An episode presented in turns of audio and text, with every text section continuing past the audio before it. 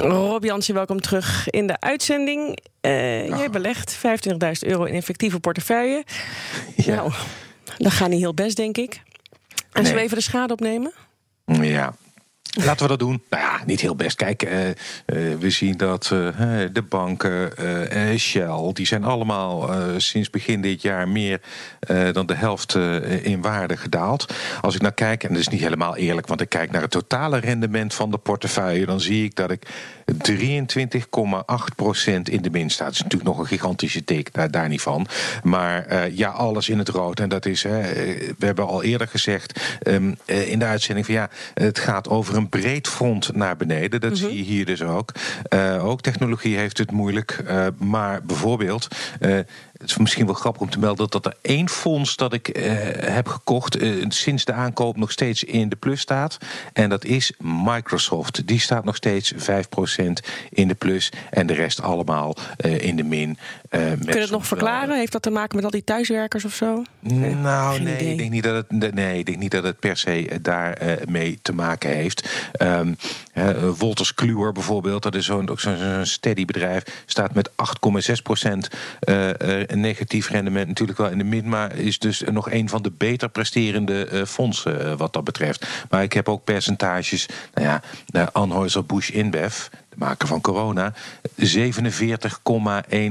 in het rood. Kortom, het is. Uh, pittig. Het is, iets, ja, het is pittig en het is ook iets waar, denk ik, ja, alle actieve beleggers die, die herkennen dit beeld wel, denk ik. Ja, maar goed, jij belegt voor de lange termijn. Ja, zeker. Dus, ja, ja, dan is het gewoon een kwestie van gewoon laten gebeuren, toch? En niks aanraken. Ja. Dat is wel mijn uh, uh, inzet. En natuurlijk ook wel op het moment dat je herstel ziet, uh, toch proberen om nog te profiteren. Want wat je dan koopt, zal waarschijnlijk. men zegt al, er is veel aandelen zijn in paniek verkocht, oversold, zoals het heet. Dus die zijn eigenlijk te zwaar in waarde gedaald.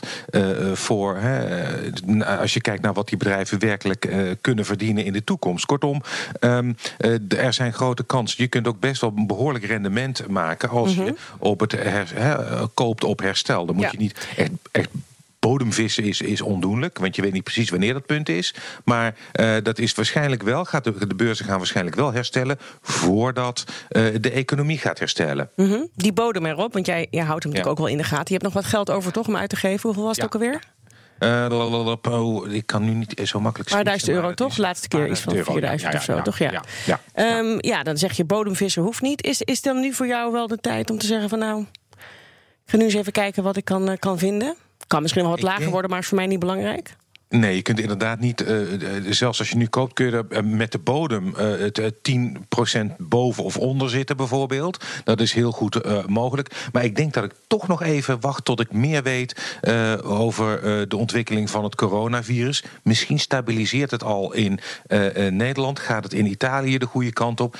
je hoort van experts dat de komende twee, komende week, twee weken, dat die cruciaal zijn. Mm -hmm. Die wil ik nog wel even afwachten voordat ik een volgende stap zet. Echt waar? Ga je dan niks kopen nu? Nee, ik, nou... Straks trekt het weer aan, Rob. Ja, ja, maar dan gaat, ja, maar dan gaat het ook niet in een, in een streep recht omhoog. Hè. De, het is met, met de lift naar beneden gegaan, maar het gaat met de trap omhoog. Um, uh, die angst die moet je, is wat dat betreft een slechte raadgever. Oké. Okay. Uh, dus, dus, uh, nou, misschien volgende week. Misschien volgende weet je wat? Okay. Ik, ik, doe, ik doe één aankoop voor volgende week. Goed zo. En weet, ja? je, al, weet ja? je al wat? Of zeggen we dan dat, dat, dat zeg je pas volgende week? Dat zeg ik pas volgende week. Oké. Okay.